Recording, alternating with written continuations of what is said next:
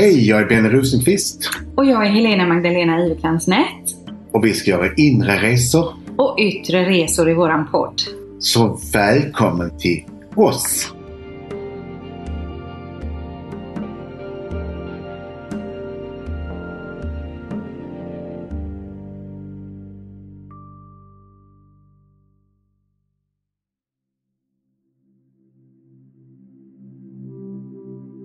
Idag ska vi prata om medialitet. Hur känns det Helena? Det är ju spännande och, och det känns också viktigt för det är lite olika begrepp och man kan ju använda sin medialitet på många olika sätt. Så det blir spännande att prata om det. Och det finns ju ingenting som är rätt eller fel. Det är många normer som vissa medium försöker ha. Men jag tycker det finns olika stilar och jag tycker det viktigaste är att man hittar sitt sätt att jobba, att det känns bra för en. Mm. Så vi kan ju prata lite grann hur jag jobbar och du kan berätta hur du jobbar. Precis, du kan jättegärna börja där Benny och, och berätta lite hur du jobbar. Jag jobbar ju både som med seanser Mm. och då pratar jag med andevärlden. Och det är riktat så jag skickar inbjudningskort så jag bjuder in en person som kommer. Mm. Och det är lite annorlunda med. Och då presenterar de sig, hur de gick bort och vem de är och vilken relation de haft till den personen som kommer. Så jag jobbar också med att ha sittningar. Mm. Och då jobbar jag med nutid, dåtid och framtid.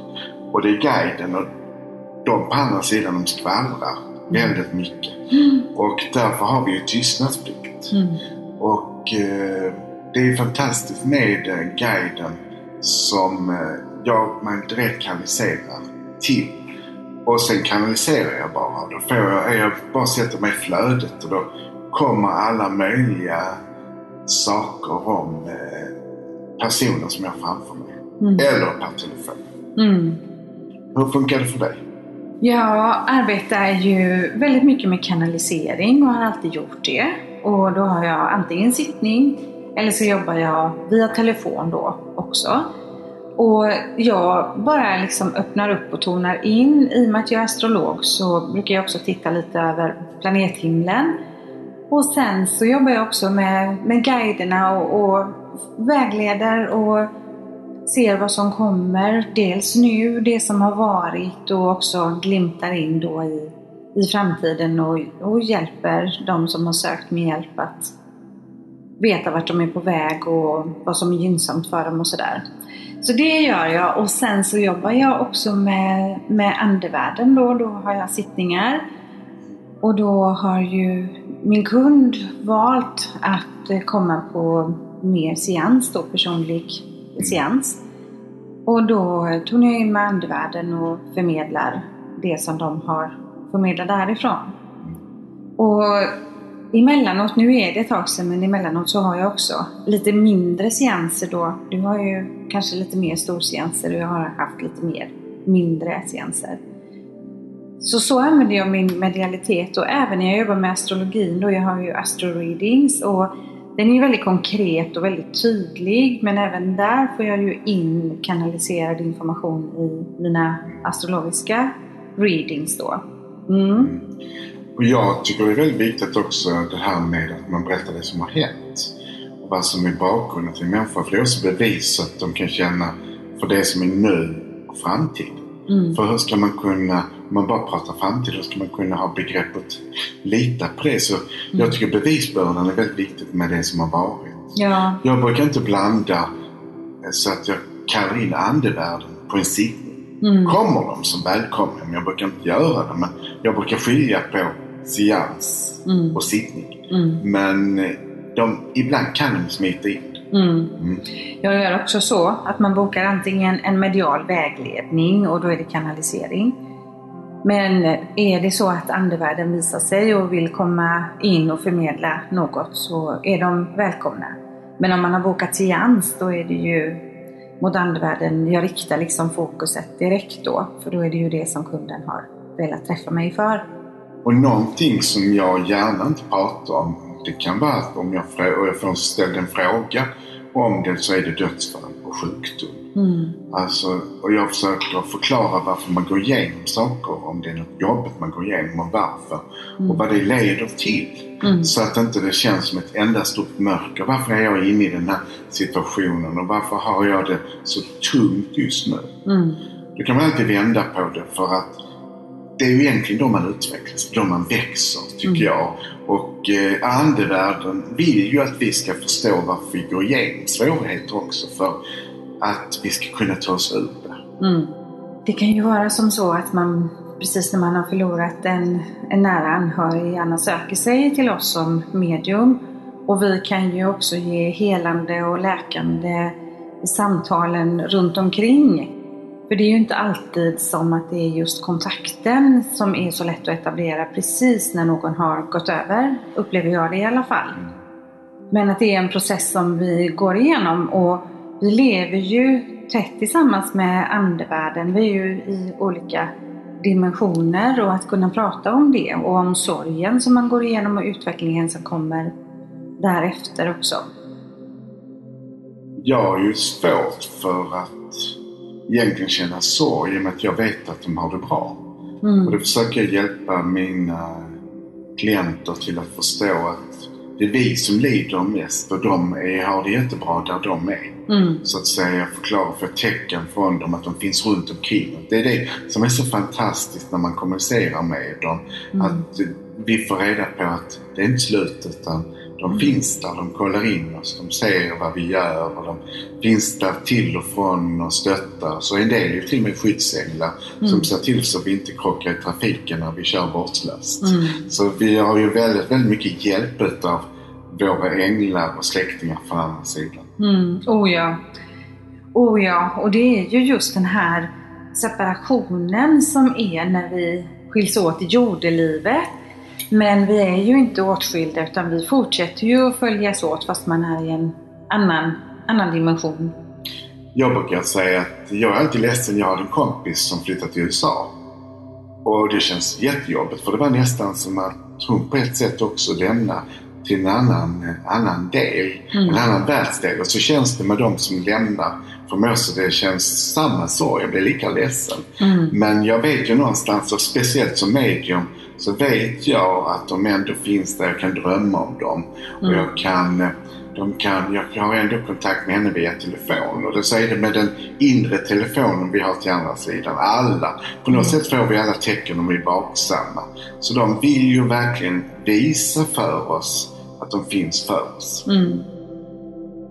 Så är det verkligen och många har ju fått olika upplevelser och känner på sig och så här och kommer ju också till ett medium för att förstärka den här kontakten. För vi är ju mediala, själsliga varelser, vi människor. Och ibland så vill man ju så gärna att de ska komma. Och jag har ju haft min morfar levde när det var tre år. med min älskade, älskade mormor. Alltså, Mm. Jag fick inte kontakt med henne. Hon fanns väl där med lite dofter ibland. Att hon åkte alltid den danska kungens halstabletter. Då luktade det ibland violtabletter och röken. Så jag Mm. kunde känna doften. Men hon visade sig inte för mig. Mm. Från en dag när jag hade ett one night stand. Mm. Så hörde jag en röst på andra sidan dörren. så lät försynt. Mitt i själva akten så hör jag min mormor. Störande. Så jag tänkte, nej. Kommer nu efter 15 år. Jag kunde inte vänta till ett annat tillfälle. Så jag går, du mormor? Ja, det är det att din mamma måste sluta röka. Mm. Hon kan få en hjärnblödning. Mm. Så hon måste dra ner på rökandet. Hon måste sluta för att det är farligt för henne. Rökningen är inte bra. Ja, men det har jag sagt till henne. Men gör det en gång till. Mm. Så gick jag tillbaks till den där killen som låg naken i sängen. Så sa han, vem pratade du med? Ja, jag pratade med min döda mormor. Mm. Jaha, sa han. Jag tror jag ska gå hem nu. Så mormor förstörde det roliga den gången. Alltså, så, det, så kan det vara lite taskigt ibland. Det, det kommer ibland lite olägligt. Gudskelov kom hon inte in i sovrummet och störde, som tur var. Hon stod utanför på andra sidan dörren. För det hade varit ännu mer pinsamt för mig om mormor kom in när jag höll på med sådana saker. Ja, precis. Ja. Underbar mormor. Ja, Du har ju kurser här hos oss Ja. på The Lighthouse. ja. Och min mormor gick bort för ett par år sedan och hon kommer ju gärna igenom när vi har scensträning. Så hon har ju kommit igenom väldigt väldigt många gånger på väldigt kort tid. Mm. Så, och där är det ju också så att vi kan ju ibland behöva vänta under lång, lång tid. Eh, och ibland så kan vi få kontakt väldigt, väldigt snabbt efter. Men jag, jag gillar din mormor. Jag tyckte det var roligt att hon störde dig lite. väldigt. Mitt i alltihopa. Det är spännande. Och de har ju humor. Alltså det som är så fantastiskt. Men de har inte det dödtrist på andra sidan. Nej. Utan de har kvar sin humor. Så var de roliga när de levde. Så de roliga där också. Och de har ju väldigt skoj där på andra sidan. Och tänk att se oss när vi hittar på så roligt. De måste ha det emellanåt också. Ja, verkligen. Mm. Verkligen. Och det är så härligt med när man kanaliserar, när man har seanser. Och det är ju överhuvudtaget väldigt mycket humor i de olika dimensionerna. Mm. Det är ju mycket skratt också. Det kan ju låta ibland som att vi jobbar så gravallvarligt. Mm. Men det är ju verkligen inte så, utan det är ju med en stor nypa humor. Mm. Och det kan man också tycka, en gång när jag hade en stor seans så sa jag, jag vet inte hur jag ska säga detta men jag har en elefant mitt här i rummet. Och då plötsligt så fick vi den där elefanten i rummet som man inte ska prata om.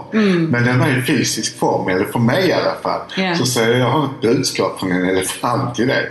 Och hela salongen skrattade ju. För Ja. att de tänkte, nu är han eh, rent. Ja. Men det visade sig att hon har levt i Afrika som flicka. Och hennes bästa kompis hade varit en elefant. Ja. Så det var ju fantastiskt. Och den hade gått bort när den var fem år. Så hon hade ju sört sin kompis hela livet. Så där kom en elefant. Och det är ju det som är så fantastiskt då som andevärlden. För även djur kommer tillbaks och visar att de har det bra om vi har skött oss. Mm. Mm. Ja, fantastiskt är det. Ja.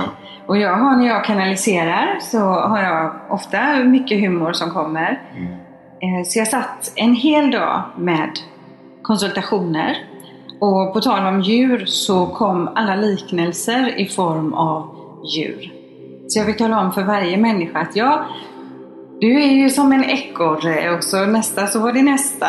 Det var en jätterolig dag, jag skrattade väldigt, väldigt mycket. För det är ju, det är ju levande liv och själar alltihopa. Så visst kan det vara väldigt roligt att arbeta. Och en dag när jag satt för många år sedan så satt jag och det var, alla bodde så trångt och det var så litet. Och jag berättade att de alla nästan var på väg att flytta. Så sa jag, den sista klienten den dagen så sa jag men varför ska du flytta? Du bor ju jättestort. Så sa hon, ja jag bor på ett slott. Och det, det, var liksom, det var precis som jag kunde känna, små volym och de skulle få större lägenheter. Men varför vill du flytta från den här fantastiska bostaden du nu har? Där hon alltid drömt om att bo i Frankrike.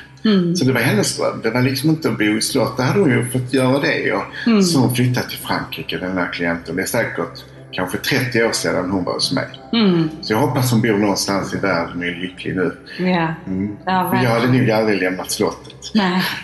Nej men du ser, var och en blir salig på sin ranson.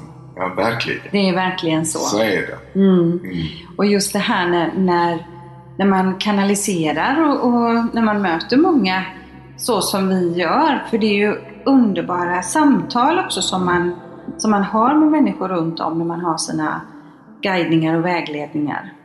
Så vi får ju dela mycket med andra människor.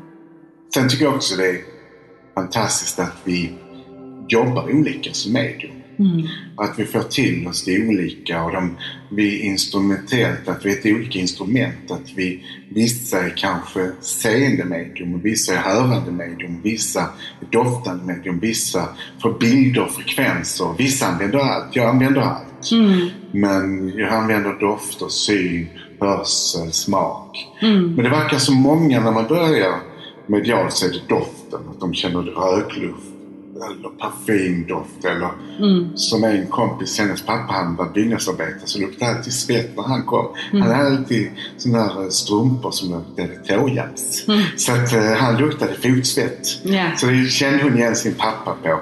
Och, eh, men eh, jag började med att se saker i ögonvrån. Det var så jag började. Ja. Och eh, sen drömde jag också sanddrömmar. Det är många som börjar för då är man ju oskyddad. Då får man budskapen från andra sidan utan att kunna kontrollera dem. Och det är ett bra sätt att öppna upp och skriva ner sina drömmar och kunna få det till sig. jag började också med att um, se, seende, klärvoajant. Och sen just det här med varsel och Sandrum. Jag visste, jag visste bara saker. Mm. Och det har jag fortfarande. Jag bara vet saker. Och tidigare kunde jag ju inte säga var informationen kommer ifrån. Jag bara visste att det var på ett speciellt sätt. Sen blir det ju också så när man jobbar mycket med medialt så utvecklar man ju de olika sätten. Sen upplever jag det som att när jag kanaliserar då, då, då går det liksom snabbare. Det är mycket bilder och mycket det här clear knowing, att bara veta. Men när jag arbetar med andevärlden då är det ju sinnena mer. Lukten och smakerna som man förnimmer och mer i kroppen, att man kan känna att man ändrar kroppsspråk och liksom sträcker på sig eller man blir lite, lite annorlunda. Och så upplever jag också när man jobbar med andevärlden att känslorna blir mycket starkare på något vis. För mig blir det så i alla fall. För mig också. Jag känner någonstans att jag har lärt mig att skilja på mina känslor och andra Mm. känslor. Så att jag kan lägga mig själv åt sidan. Hur jag känner och tänker. Mm. Och kan bli det mer rena instrumenten utan.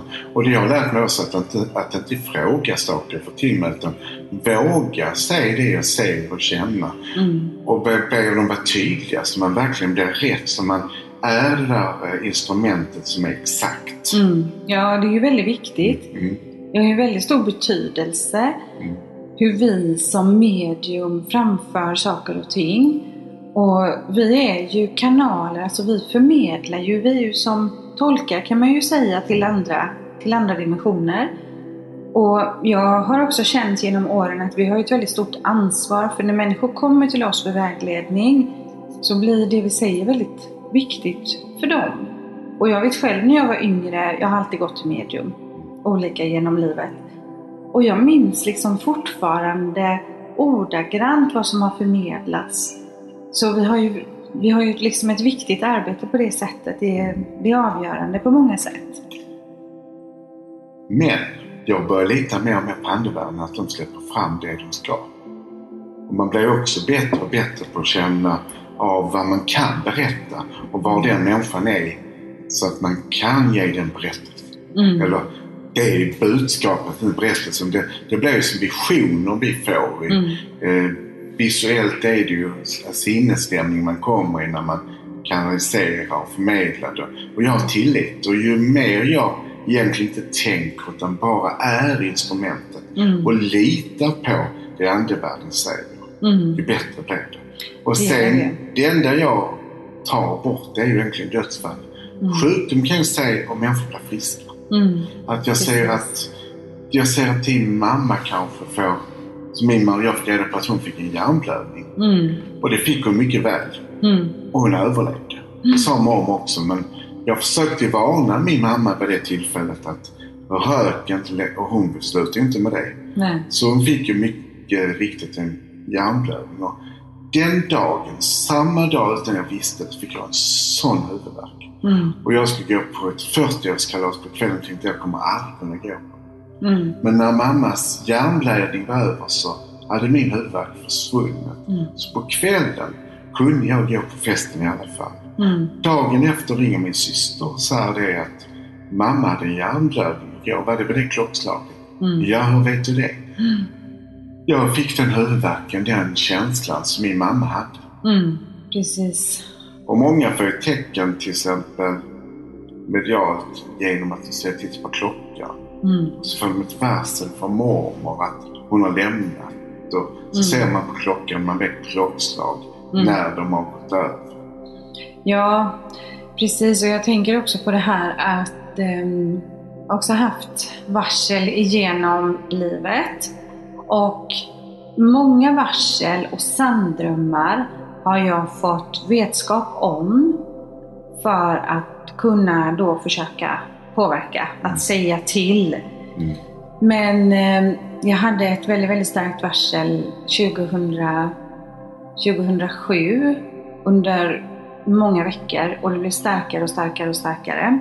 Och jag kunde sätta det på vilken dag någonting skulle ske. Jag visste att det skulle vara den 29 maj. Och vi skulle gå på fest på kvällen och jag blev mer och mer liksom spänd inför den här, den här kvällen. Och fick mer och mer huvudvärk under då dagen. Men jag gick på den här festen och jag var på helspänn. Liksom. Jag var väldigt, väldigt observant.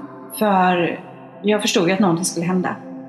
Och det som skulle hända, det hände dagen efter. På natten, då dog min dotters pojkvän. Och då förstod jag allt som jag hade känt. Men jag visste inte vad det skulle handla om. Jag visste bara att jag skulle vara beredd på, på någonting. För hela vårt liv förändrades ju för alltid då, givetvis. Men då förstod jag också det att jag blev förberedd på att någonting fruktansvärt skulle hända. Men jag skulle inte ingripa. Gick inte jag? Kunde inte, jag kunde ingenting göra. Men när det här hände så var jag väldigt, väldigt beredd på att någonting skulle hända. Så jag kunde agera då som, som mamma till min dotter givetvis och, och så här. Men det är det starkaste varslet som jag har haft och det varade ungefär under fem, sex veckor och det bara stegrade sig så här och sen när det hade hänt så, så släppte det ju då.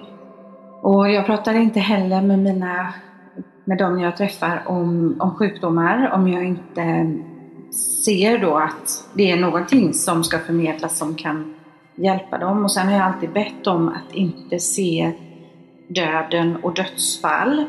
Sen ibland så kommer människor och söker hjälp som vet att de ska dö och vill prata och ha ett samtal om döden. Men jag ser fortfarande inte deras död, men vi kan prata om det. Om övergången och separationen, transformationen och sådär. Det är ju inte bara tragiska saker man ser. Jag kommer ihåg en gång så hade jag en eh, tjej och hon jag sa att oh, jag ser så mycket kläder runt omkring dig. Det är magiskt massa kläder. Det är högvis med kläder. Så hon målade upp, och detta var på 80-talet, så hon målade upp sina aprikosfärgade mattor och guldställningar och att hon skulle öppna sin butik äntligen. Mm. Och eh, sen en dag så kom hennes man hem så sa han Du, jag har köpt ett företag till oss nu så du hade ju inte jobb och jag tror det är bra. Och så plötsligt stod hon där mitt i bland kläderna. Mm. Han hade köpt en kemtvätt. Mm. Så hon fick stoppa in alla dessa kläder i tvättmaskinen. Hon är ju väldigt bra på att tvätta kläder. Hon var väldigt bra på att stryka kläder. Så det var ju bra för henne. Men det var liksom ingen butik hon fick. Nej. slog med högar. Så hon har målat upp en helt annan bild. Så Mm. ibland ser man när man går till ett medium på sitt sätt och sen blir det rätt fast det blir på ett annat sätt man tänkt. Mm, precis.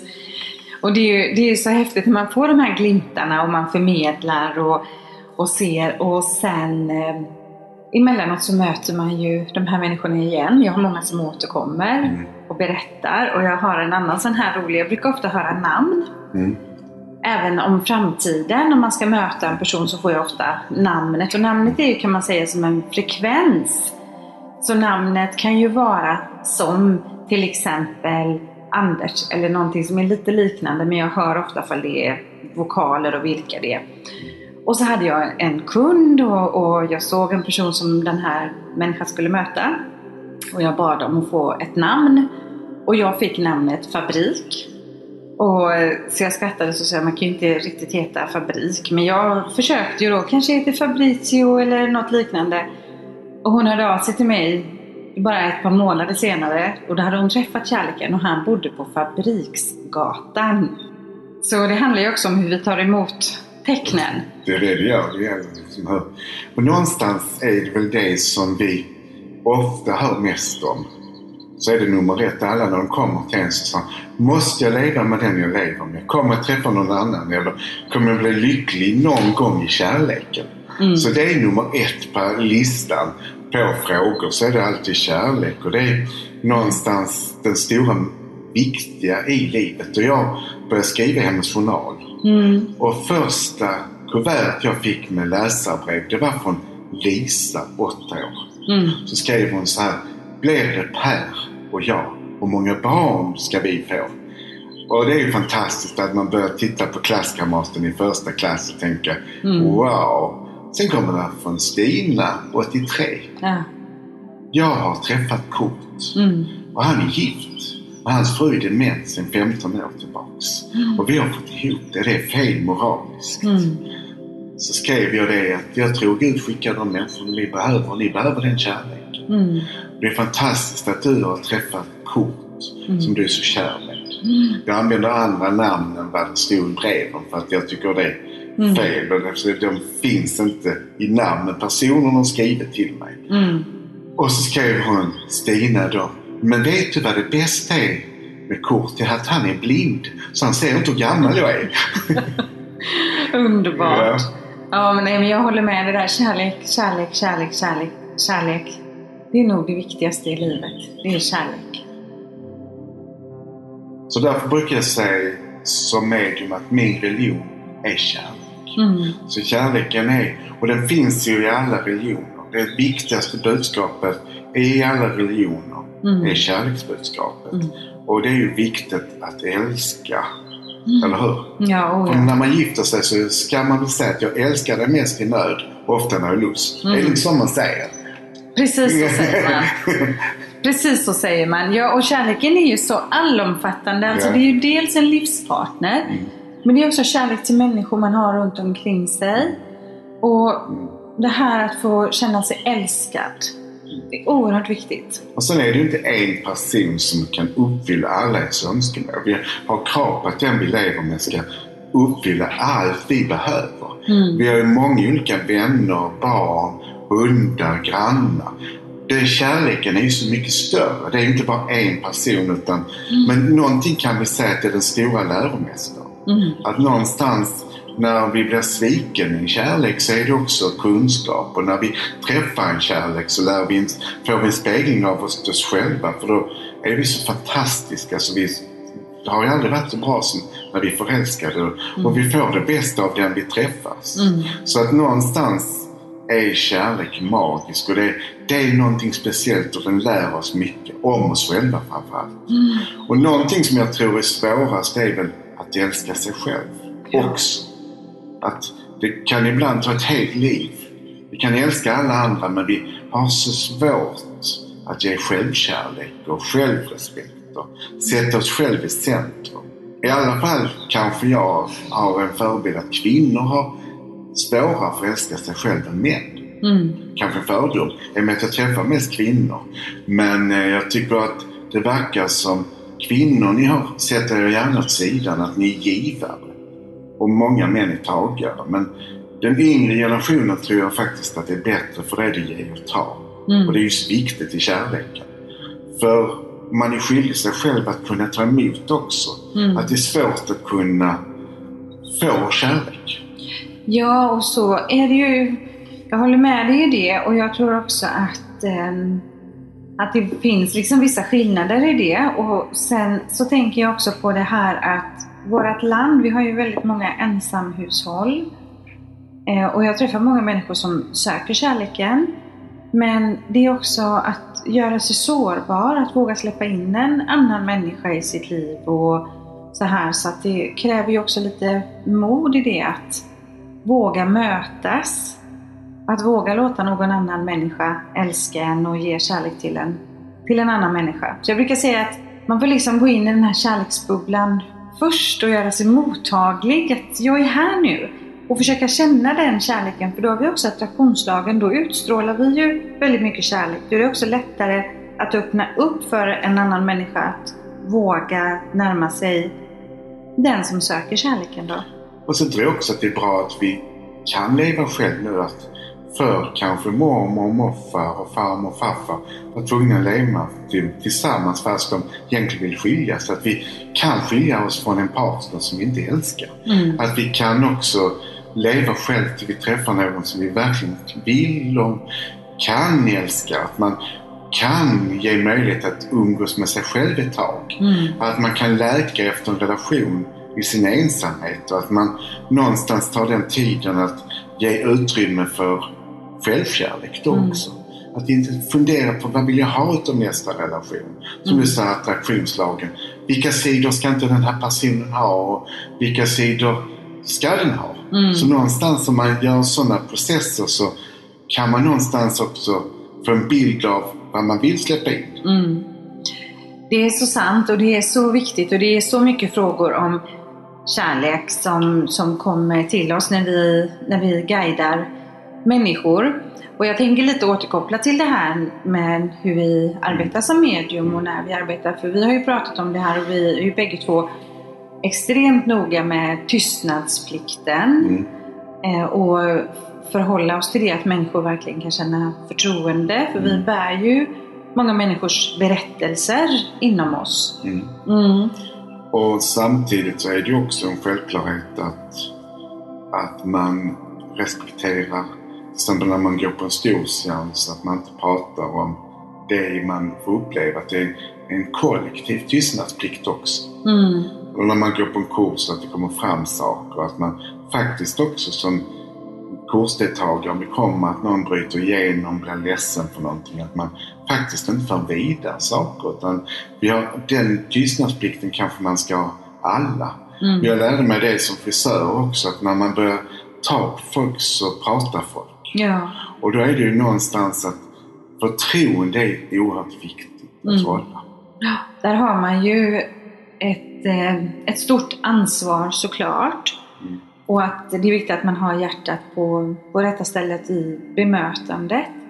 För jag vet inte men jag upplever ju att människor kan ibland vara lite spända och lite nervösa när de kommer och just det här att skapa en känsla av förtroende och så här. Det är ju det som gör att man kan mötas på ett djupare plan Mm. på en sittning. Mm. Och framförallt också att man får först ett bevis. Och sen har ju de humor som man, man kan få skratta lite först. Att man igenkänner, känner igen sig själv och då lossnar det lite grann så att säga. Och andevärlden vill ju att vi ska må bra på en sittning. Mm. Inte att vi ska må dåligt när vi lämnar. För det ska ju vara positivt när man går och får en kanalisering eller en sittning eller seans. Mm. Du ska gå ur den med ny insikt Mm. och glädje till vad som ska komma. Ja, det är oerhört viktigt. Eh, för det vi, det vi säger då med till våran kund bär den ju med sig därifrån. Och det händer ju ibland att, att eh, människor kontaktar och vill ha en sittning och kanske behöver sätta ord på vad något annat medium har sagt till dem tidigare som har skapat rädsla. Mm. Eh, och mm, man ska ju inte vara rädd när man har varit hos ett medium eller innan man går till ett medium utan det ska ju vara upplysande och upplys upplyftande och vägledande. Och sen ska man inte vara rädd heller för att kontakta mediumet igen, för ord är ord. Och det är någonting man missförstår eller någonting som man kanske tolkar på ett sätt som kanske man behöver få mer information. Att man kontaktar mediumet igen för att få upplysning om kan du möjligtvis komma ihåg det vi pratade om? Mm. Kan du ge mig den informationen så att jag förstår vad du sa? Mm. Så att det, det känns bra när du, så du kan gå vidare i saker. Mm. Och sen brukar jag säga att eh, vi jobbar olika. Och jag kritiserar aldrig en kollega och den jobbar. Utan jag brukar säga att det är allas väg. Mm. man möter för något. Ja, och vi arbetar ju olika. Mm. Eh, och det ser vi ju bara här i Sverige. Mm. Vi har ju, kan man ju säga, mer det engelska mediumskapet och så har vi mer när man jobbar som sierska. Mm. Men sen har vi ju människor som kommer ifrån andra delar av världen Mm. som också går till medium Mm. eh, från olika spirituella platser, både i Afrika och Sydamerika och Mellanöstern. Och, och där kan man också möta människor som har varit hos medium och kan se att vi jobbar på olika sätt. Mm. En del är ju lite rädda för det här med förbannelser och onda ögat och så som kommer från andra kulturer som vi Mm. också möter i, i vårt land. I vårt jobb. Mm, Jag möter det ofta de frågar om man ska få bort en förbannelse. mm, Ja, den finns ju i din tro.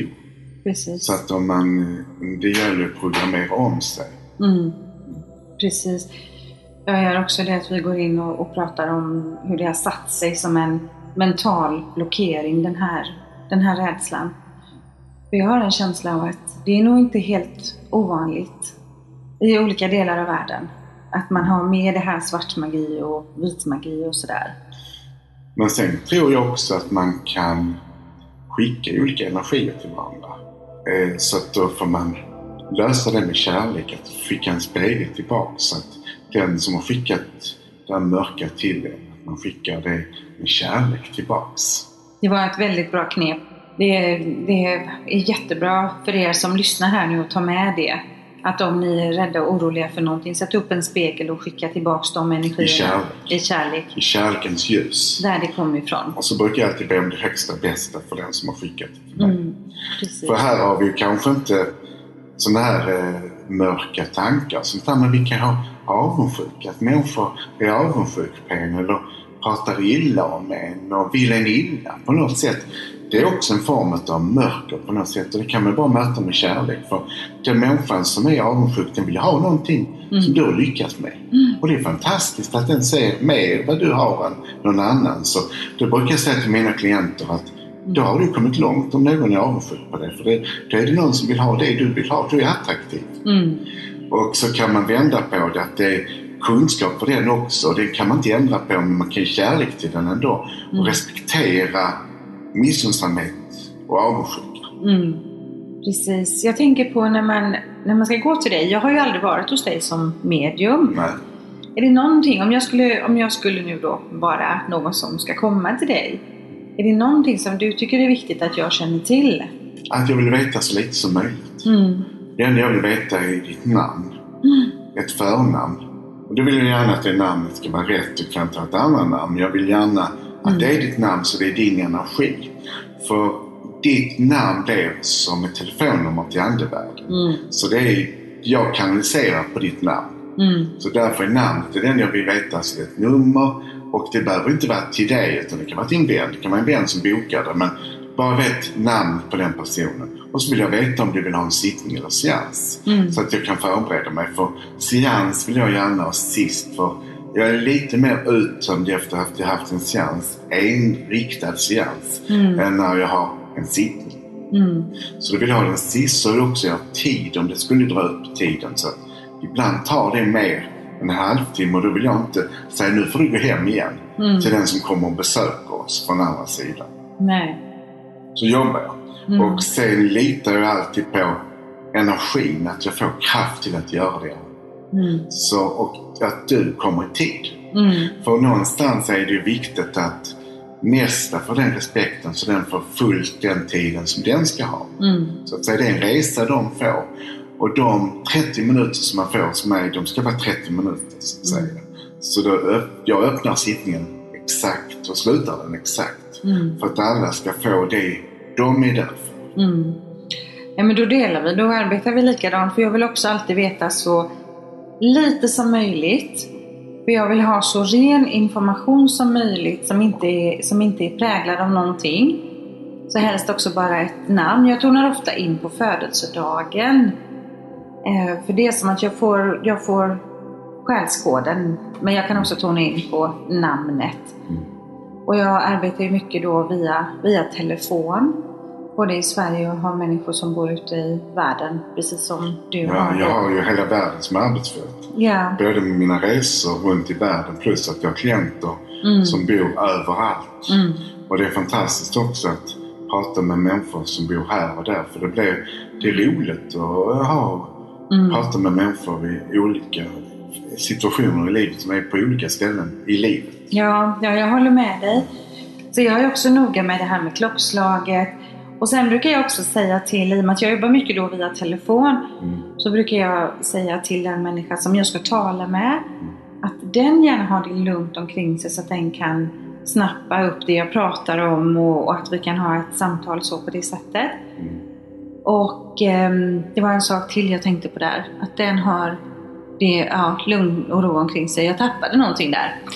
Men eh, då jobbar vi ju lika i det. Sen har jag Jag, jag, jag jobbar mycket på möten också. Mm, Enskilda möten och jag har ju många, många, jag har inte så många telefonsamtal. mm, Vi har mycket enskilda träffar folk. Malmö, Göteborg, Stockholm och Finland, Järvsö och lite Oslo. Mm, Så jag har ju reser runt en hel del på sittningar också. just det. det. Det gör jag också periodvis. Men jag är ju alltid på Regnbågen i Haga här i Göteborg och tar emot då. Bokar man ju till dem.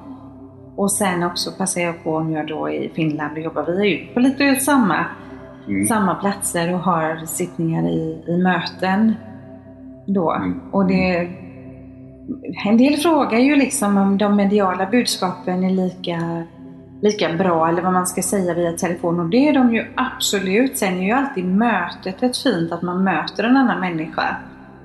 Jag känner ju någonstans att mötet är fantastiskt när man både på telefon och det personliga mötet. Men om en människa trillar igenom och blir ledsen Mm. så tycker jag det är skönt att ha den framför mig.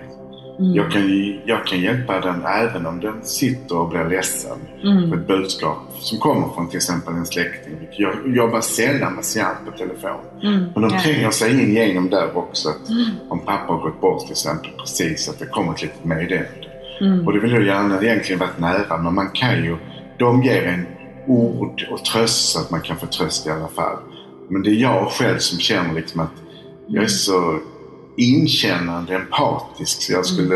Det är nästan så jag skulle vilja krama om dem. Ja. ja, men jag håller med Ja. dig. Då får man ge universum kram. Då, då får det bli, men då har det varit så mycket covid så nu har man inte kramats ändå. Så nu har man fått lära sig att man kan göra det känslomässigt. Mm. Ja, och på tal om det också, så eh, nu det här året som har passerat och när man eh, människor som bor ute i andra delar av världen som Mm. sina kunder. Det kunde jag känna förra, förra våren då, för den, det året vi har gått igenom har ju påverkat varje individ över hela världen. Mm.